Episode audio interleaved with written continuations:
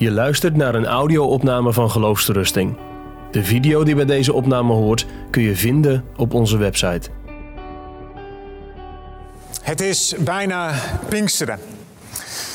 En ehm, je zou je in moeten denken wat er gebeurd is tussen hemelvaart en Pinksteren met die volgelingen van Jezus, de discipelen, waarvan we lezen in de Bijbel bij Goede Vrijdag dat ze verward, teleurgesteld waren.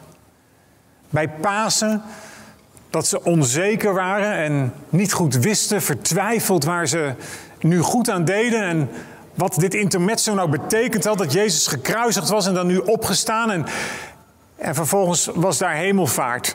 Gaat u dan nu het koninkrijk over Israël herstellen?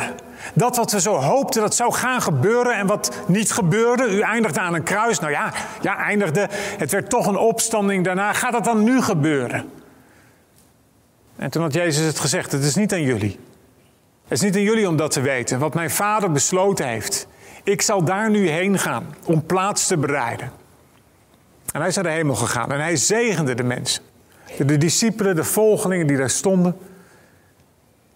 Ja, en toen waren daar die engelen geweest en die hadden gezegd: Wat staan jullie nou naar de lucht te kijken? Jezus die naar de hemel is gaan, komt op een dag ook weer terug. Maar jullie gaan naar Jeruzalem. Wacht, bid, verwacht. Voor, voor ons is het ergens makkelijk. Tien dagen naar hemelvaart, Pinksteren. En in de kerkgeschiedenis betekent dat dat die tien dagen vaak tien dagen, ik weet niet hoe dat is voor jouw leven, van verwachting zijn richting Pinksteren. Maar wij kijken terug. Ze hadden nog nooit meegemaakt, het Pinksterfeest, zoals dat is gekomen vanaf dat moment dat de geest is uitgestort.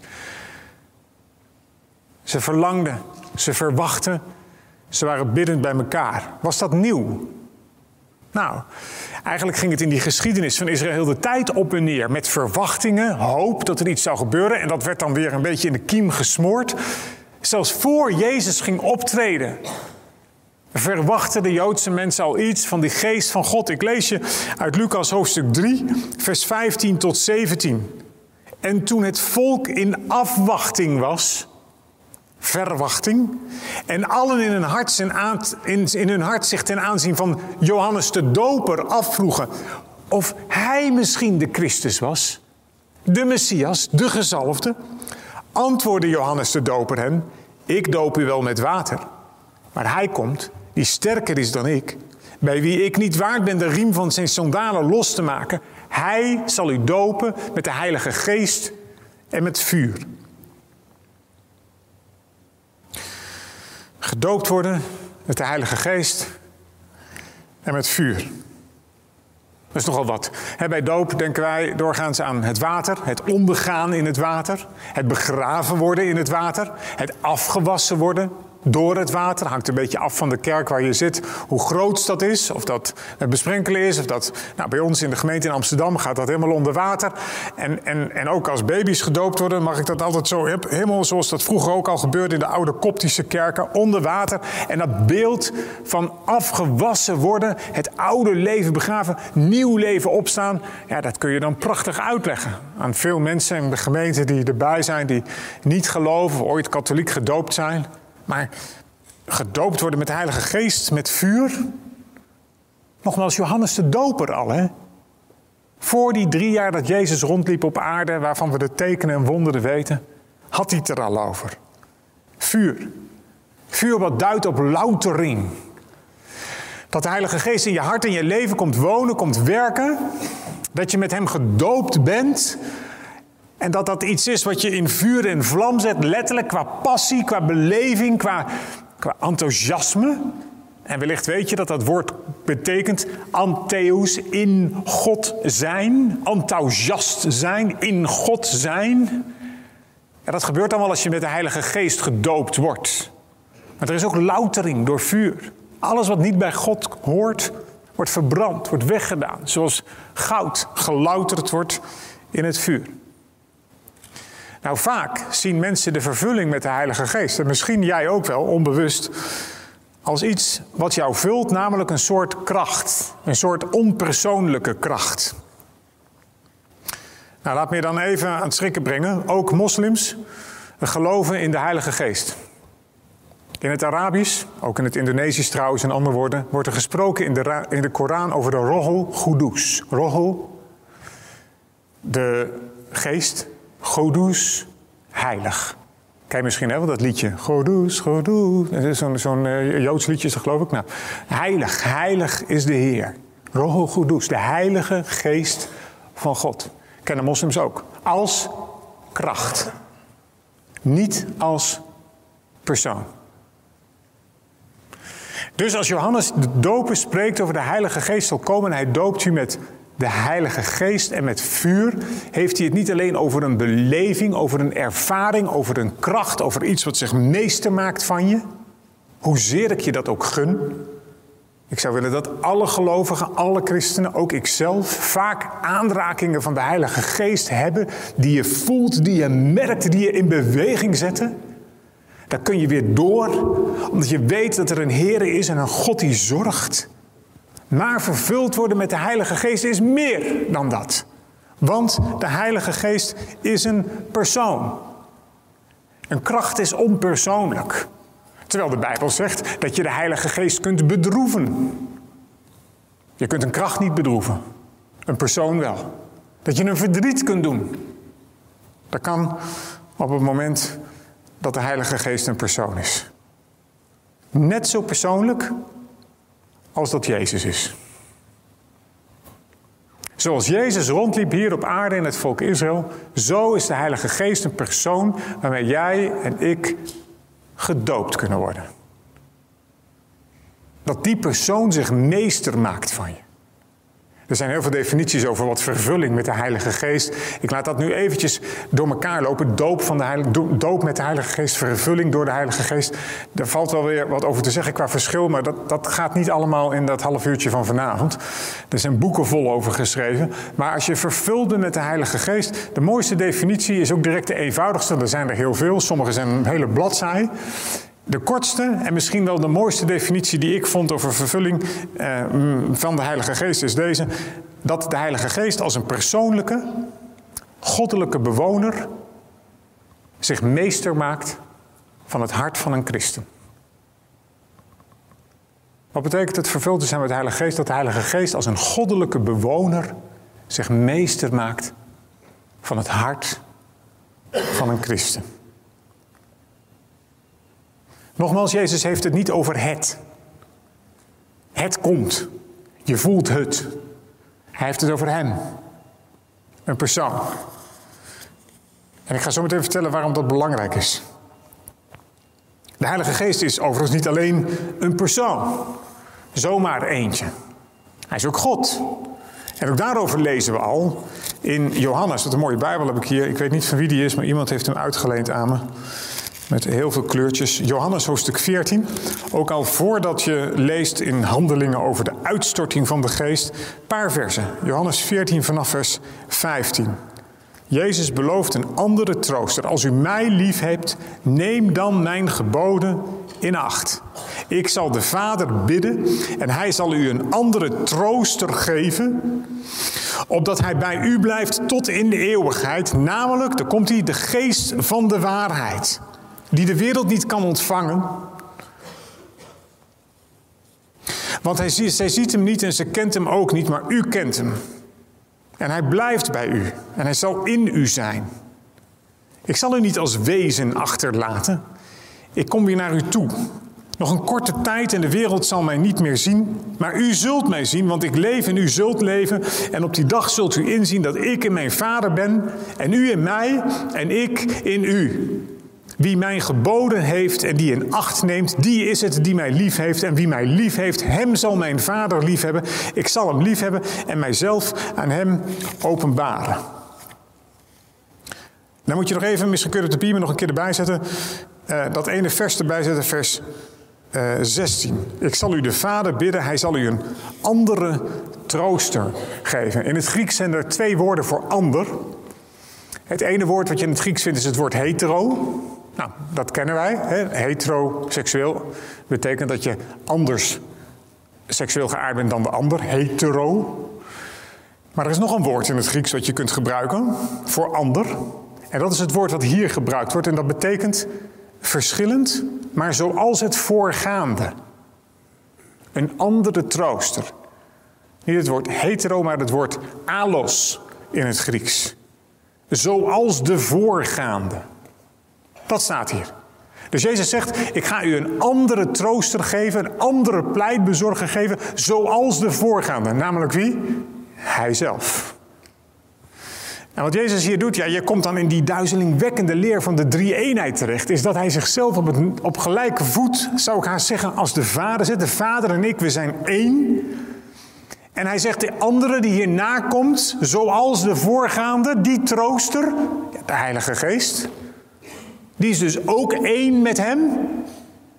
Nou ja, wellicht heb je het categorisatie gehad. Het is echt zo'n leerstuk waar je niet uitkomt. Hè, waar je uiteindelijk mag geloven. Waar je verwonderd bij stil mag staan. Het zijn geen drie goden of zoiets. Eh, het is één God die, zich op, op, die, die, zich, die zichzelf openbaart als drie personen. Die je kunt leren kennen als de Vader, als zijn Zoon Jezus, als de Heilige Geest. En ik weet niet hoe dat met jou is. Ik, ik heb daar heel lang moeilijk, moeilijk mee gehad. Dat ik dacht van ja, hoe kan ik dit allemaal geloven? Hoe werkt dit? Dat je het een beetje los mocht laten, mocht laten rusten. En dat, en dat je wat ouder wordt en groeit in je christelijk geloof. En dat gaandeweg de kwartjes een beetje vallen. Denk van ja, ik, ik, ik denk dat ik het een beetje begrijp hoe het werkt. Hoe de Vader ons heeft gemaakt, hoe de Heer Jezus voor ons stierf. Hoe de Heilige Geest als persoon, als goddelijke bewoner in mijn hart en mijn leven kan zijn. En waar het dan om gaat is dat je nogmaals gelooft dat hij een persoon is, niet zomaar een onpersoonlijke kracht. Ik zei net al, waarom is dat belangrijk om te geloven? Omdat je verschillend gaat verlangen naar de Heilige Geest als hij een kracht is of een persoon. Er zijn heel veel wereldreligies waar behoefte is aan een kracht, aan spiritualiteit en dan ga je, uh, uh, weet ik veel, yoga doen of je gaat tot rust komen om je geest, om je ziel, om je ziel rustig te maken, om, om al het verkeerde eruit te laten gaan en het, en het te legen zodat het gevuld kan worden met God. Nou ja, wat? Met God, met, ja, met hogere energie. Dan kom je in een soort mantra terecht waarin jij bezig moet om jezelf open te stellen voor dat wat God kan gaan doen. Een God. Maar als je gelooft dat de Heilige Geest niet alleen een kracht is die jou overkomt, maar een persoon die binnen wil gaan wonen, dan ga je ook anders naar Hem verlangen. Je maakt niet zozeer met meditatie jouw hoofd leeg. Nee, de Bijbel die zegt dat je gevuld wordt met een persoon die je loutert met vuur en die jou doopt. Belangrijk hoor. Want ook in het christelijk geloof kom je genoeg christenen tegen, genoeg mensen die nadenken over de vervulling met de Heilige Geest. En dan wordt het ook een soort systematiek. Dan moet je dit doen, dan moet je zo bidden, dan moet je dat zeggen. En dan gebeurt het. Ja, nogmaals jongens, het is geen het. En ik wil nog een keer benadrukken, ik hoop dat je vaak iets geproefd hebt van die vervulling van de geest als een moment waarin je in vuur en vlam bent gezet. De discipelen hadden ook niet voor de eeuwigheid die vlammetjes op hun hoofd. Die hadden ook niet heel de tijd dat spreken in vreemde talen. Dat waren momenten waarin ze helemaal in vuur en vlam kwamen. Maar ze hadden ook een goddelijke bewoner. Eentje die er was en die er bleef. En die niet gebaseerd was op alleen die ervaring. Je kunt hier zitten en nooit zo'n ervaring met de Heilige Geest gehad hebben. En enorm gaan twijfelen aan jezelf. Ben ik wel vervuld met de Heilige Geest? Maar Jezus die zegt, niemand kan zeggen van Hem, van Jezus de Heer te zijn, dan door die geest. Dus als je hier zit en als je beleidt dat Jezus Heer is, als je beleidt dat Hij je rots is, je redder, je zaligmaker, je middelaar, ja, dan heb je de Heilige Geest ontvangen. Voel je dat altijd? Misschien niet. Is het goed om te verlangen naar meer van die geest? Ja, natuurlijk. Strek je er maar naar uit, zegt Paulus, als hij het heeft over de gaven van de geest. Ervaar het maar, merk het maar. En anderzijds, de maatstaf is niet wat jij voelt, maar of je die bewoner in jouw leven mag kennen. Hoe werkt die vervulling? Ik weet nog goed dat ik eh, een jongetje was van of 14. Mijn vader die eh, had een bezoek gebracht op het zendingsveld in Nigeria, het dominees leren kennen en die kwamen twee jaar daarna bij ons thuis. Nou, ik heb mijn moeder nog nooit zo hard bezig gezien. Het hele huis werd uh, onder handen genomen. Mijn broertje die moest zijn kamer verlaten. Die kwam bij mij op de kamer erbij. Er werd naar de kringloopwinkel gereden. Er werd een extra, extra kastje en een extra bed werd er gehaald. En dat hele kamertje werd ingericht voor die twee Nigeriaanse gasten die bij ons kwamen. En we mochten normaal al niet uh, roffelen op de trap en rennen en schreeuwen en dergelijke. Maar die twee weken was het helemaal uh, een ijzeren regime in huizen te brinken. Alles draaide om onze gasten, om die twee personen die er waren. Ze bepaalden, zo je wil, onbewust alles wat er gebeurde in ons gezin en in ons huis. En dan zou je hier kunnen zitten en zeggen, nou wat een schijnheilige moeder heb jij zeg. Dus als je gasten hebt, dan doet ze opeens heel uh, netjes en zo en verder. Nee, ze deed dat uit liefde voor deze mensen. Om gastvrij te zijn, om hen daadwerkelijk twee weken rust te geven in een druk schema wat ze hier in Nederland hadden. En elke keer kwamen ze eind van de middag weer bij ons, hadden ze hun eigen kamertje. Nou, dat, daar moest ik aan denken, dat beeld. Dat de Heilige Geest als persoon van binnen gaat wonen en dat dat alles bepaalt, zoals die twee Nigeriaanse broeders ons hele huishouden bepaalden. Dat de geest van God in jouw leven is komen wonen en dat dat iets betekent voor wat je zegt, wat je doet, wat je niet doet. Je leven dat verandert in het diepe besef dat er een glorieus persoon, namelijk de geest van God, de geest van Jezus, permanent binnen de muren van jouw hart woont. Nou, als dat gebeurt, dan wil ik je toch in alle eerlijkheid de vraag stellen: wat zou er dan veranderen in je leven? Verandert dat je manier van doen en laten? Heeft het je integer gemaakt? Welke dingen zou je doen of zou je niet doen als je dit bewust bent? Ja, we denken wel eens van, ja, God zit in de hemel en die kijkt en die ziet alles wat we doen. En sommigen van ons vinden dat heel fijn en anderen vinden het scary. En die zeggen, ja, dat is uh, niet best. Dan ziet hij dus ook alles. Het gaat nog verder. De Heilige Geest woont in je hart als je Hem mag kennen. En hoe dat dan precies werkt, of jij het deurtje van je hart op slot kan doen, dicht kan doen of niet, dat weet ik niet zo goed. Het is volgens mij de worsteling waar Paulus over schrijft: dat je oude mens is gekruisigd, dat je nu met Christus mag leven. En dat je dan toch nog geconfronteerd wordt met je eigen ik. Dat de Heilige Geest je openbaart wie je zelf bent. Ja, overtuigt van zonde, van gerechtigheid, van oordeel. Maar God zij dank ook van het offer in Jezus Christus de Heer.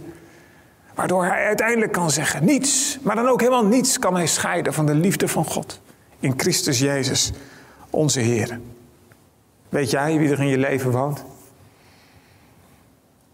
Hoe bepaalt het je doen en laten? Nou, dan woont hij in je leven en in je hart. En wat doet hij dan? In de tekst van vandaag in Johannes 14 hebben we gelezen dat hij in ieder geval twee dingen doet. Dat hij een geest van de waarheid is en dat hij een trooster of in andere vertalingen een pleitbezorger is. Eerst maar even de geest van de waarheid. Wat betekent dat? Als je een beetje thuis bent in de Bijbel, dan, dan kan het al snel gaan draaien in je hoofd. Jezus is de weg en de waarheid en het leven. Uw woord is de waarheid. De geest van de waarheid. Voel je hoe het allemaal met elkaar te maken heeft? En hoe belangrijk het is dat je dat bij elkaar houdt?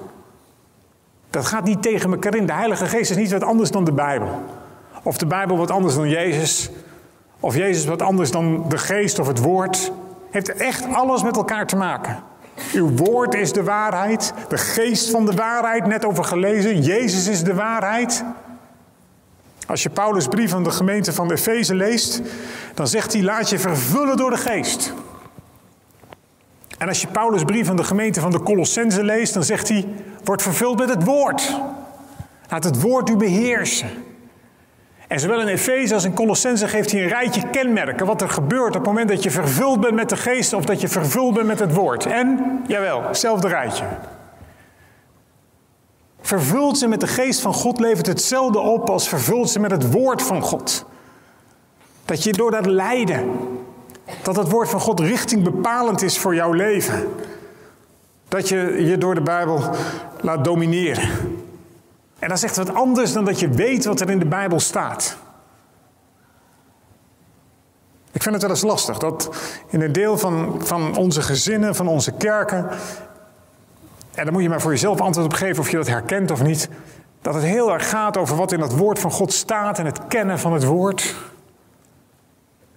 Maar ja, het pijnlijk is natuurlijk dat de schriftgeleerden ook het woord kenden zoals dat op dat moment bekend was in die tijd, de profeten.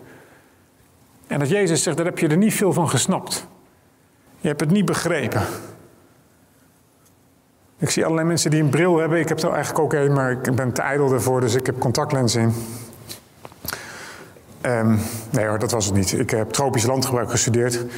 Dus um, ik, studeer, ik had een stage in Papua. In de meeste tropische landen is heel veel uh, zand en droogte. En dan wil je juist geen lenzen hebben. Dat weet iedereen hier die zit met lenzen. Want dat is heel vervelend als het allemaal stofjes en zand in je ogen komen. Maar ik zat in Papua en regent het tien keer zwart als in Nederland. En regen is heel vervelend met een bril. Dus daarom heb ik contactlenzen genomen. Maar als je een bril koopt... Niemand van jullie koopt een nieuwe bril en zet hem op een kastje en dan komt er iemand anders langs en dan zeg je: Nou, kijk, ik heb een nieuwe bril gekocht. Leuk, hè? En als het gaat om het woord van God, is dat hetzelfde. Je kunt niet zeggen van nou, ik kijk eens naar deze Bijbel, naar het woord van onze God en wat de Bijbel daarover zegt en vervolgens kijk ik weer naar het leven. Je blik op de wereld moet bepaald zijn door die bril. Je gaat kijken naar de wereld door het woord van God. Met de kennis van het woord van God kijk je naar de ontwikkelingen die plaatsvinden in deze wereld en trek je je conclusies door Gods geest geleid. Een bril zet je niet op een kastje, het woord van God leg je niet apart om vervolgens jouw eigen conclusies te trekken. Heilige Geest hetzelfde. Je kunt niet zeggen, nou ja, de Heilige Geest, Pinksteren staan we er extra bij stil. En als je het dan weer eens merkt en voelt en ervaart, in de kerk of bij geloofstoerusting, of op opwekking, of weet ik waar je naartoe gaat, op een studentenvereniging of op je kring, of in je eigen stille tijd. Als je alleen bent met de Heer op je slaapkamer. Toen heb ik het gevoeld, ik zeg het voor de derde keer vanavond, ik hoop dat je dat vaak meemaakt. Maar vervuld zijn met de Heilige Geest is meer dan die, dat gevoel en die ervaring. Het is dat je je laat leiden door het woord van God. Dat die geest in je hart woont. Een persoonlijke, goddelijke bewoner in het hart van een christen. Dat was het eerste, geest van de waarheid. Uw woord is de waarheid. Dat is maatgevend voor mijn leven. En het tweede wat daar stond was, de Heilige Geest is trooster. Of pleitbezorger. Het hangt echt van je Bijbelvertaling af. En als je er nog een paar verschillende talen bij legt, Engels, Duits, andere talen die je spreekt, dan zul je zien dat er nog veel meer woorden langskomen. Dat gebeurt vaak in de Bijbel als je het eigenlijk gewoon niet met één woord kunt vertalen. Het woord wat hier in de grond al wordt gebruikt is zo rijk, is zo groot, dat kun je vertalen met advocaat, met trooster, met pleitbezorger. Ik zal u een andere pleitbezorger geven.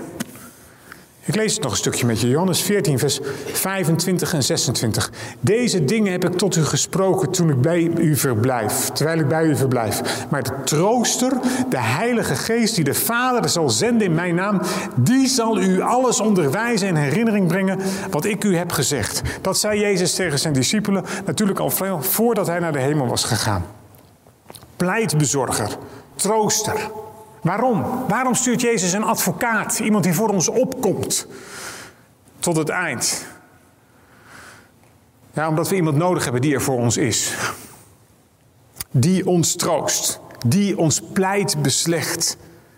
Het is de taak van de Heilige Geest om ons te verdedigen tegen de vijanden om ons heen. Maar ook de vijanden in ons eigen hart. Al die keren wat jij in je leven meemaakt. Dat je teleurgesteld bent in jezelf. Al die keren dat de duivel langskomt. In het groot of in het klein. En die je vertelt, het klopt niet. Denk maar niet dat je wat bent. Wat heb je net tegen je buurman of buurvrouw gezegd over ben vervuld met de Heilige Geest? Geloof je het zelf? Kijk naar je leven.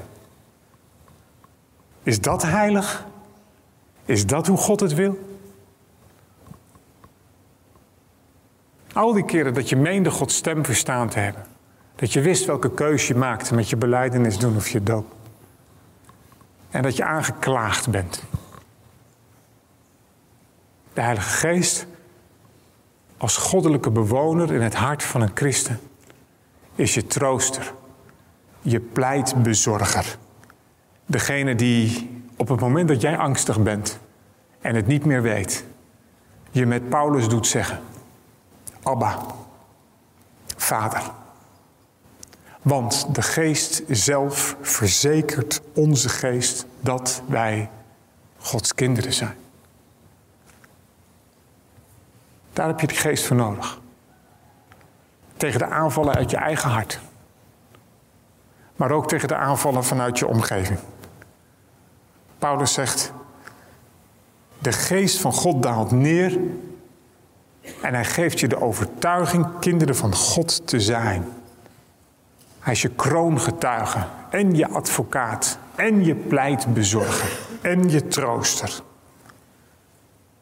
De Heilige Geest die je beschermt tegen allerlei verleidingen. Hij ziet hoe wij onze harten verpanden aan, aan macht, aan geld, aan seks en weet ik veel wat. En hij ziet je graag terugkomen. De keren dat je op je knieën gaat. En dat je erkent en beleidt.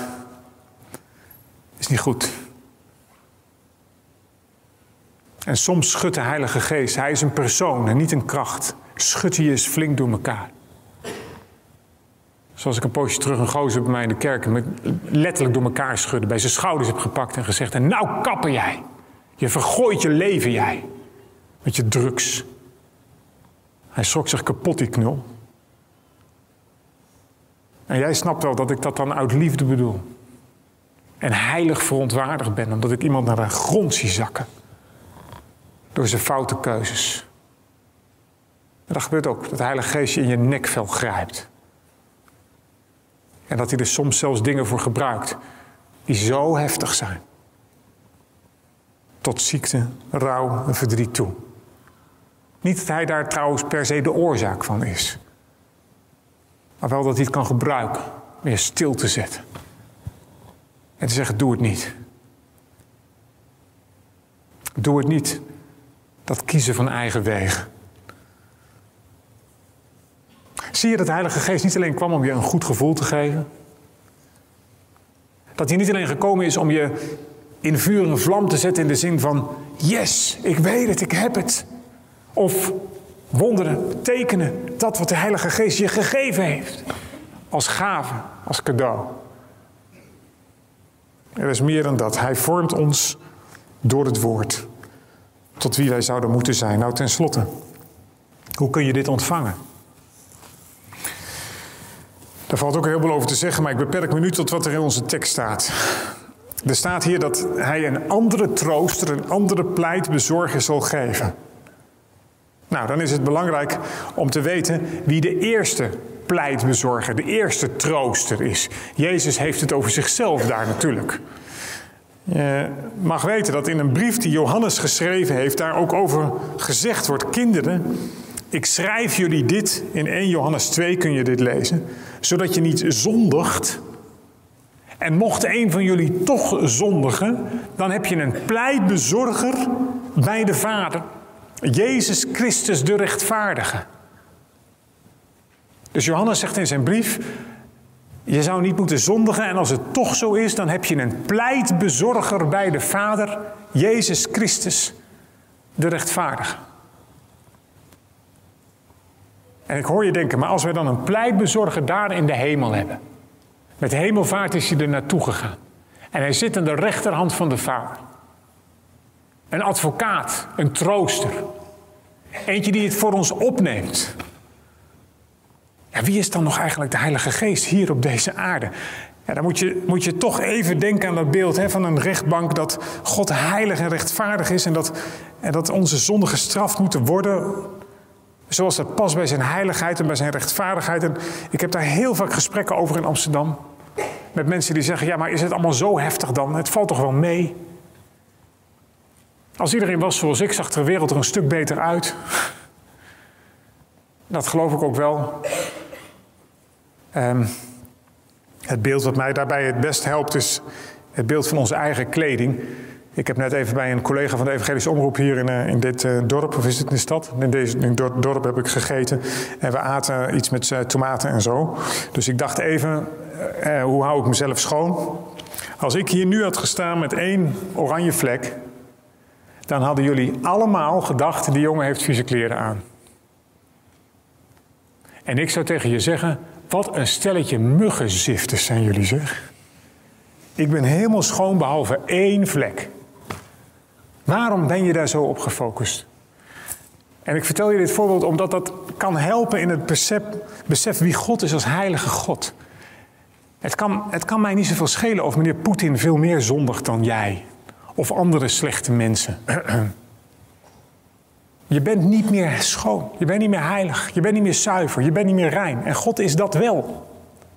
En daarmee met je ene tomatenvlek, wat voor zonde dat dan ook is, pas je niet meer bij de heiligheid van God. Daarom zegt de Bijbel, allen hebben gezondigd. En iedereen ontbeert de nabijheid van God. Iedereen.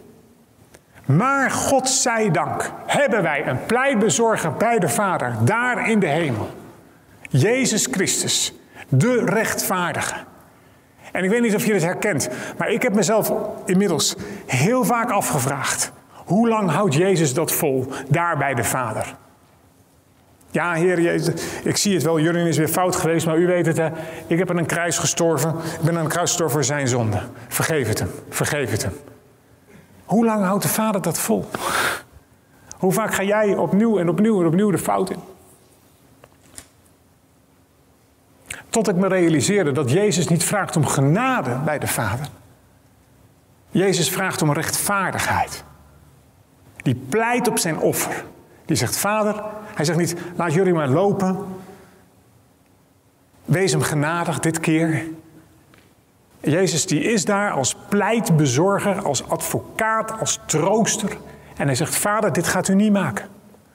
U kunt hem niet nog een keer straffen, want ik ben aan een kruis gegaan voor die jongen.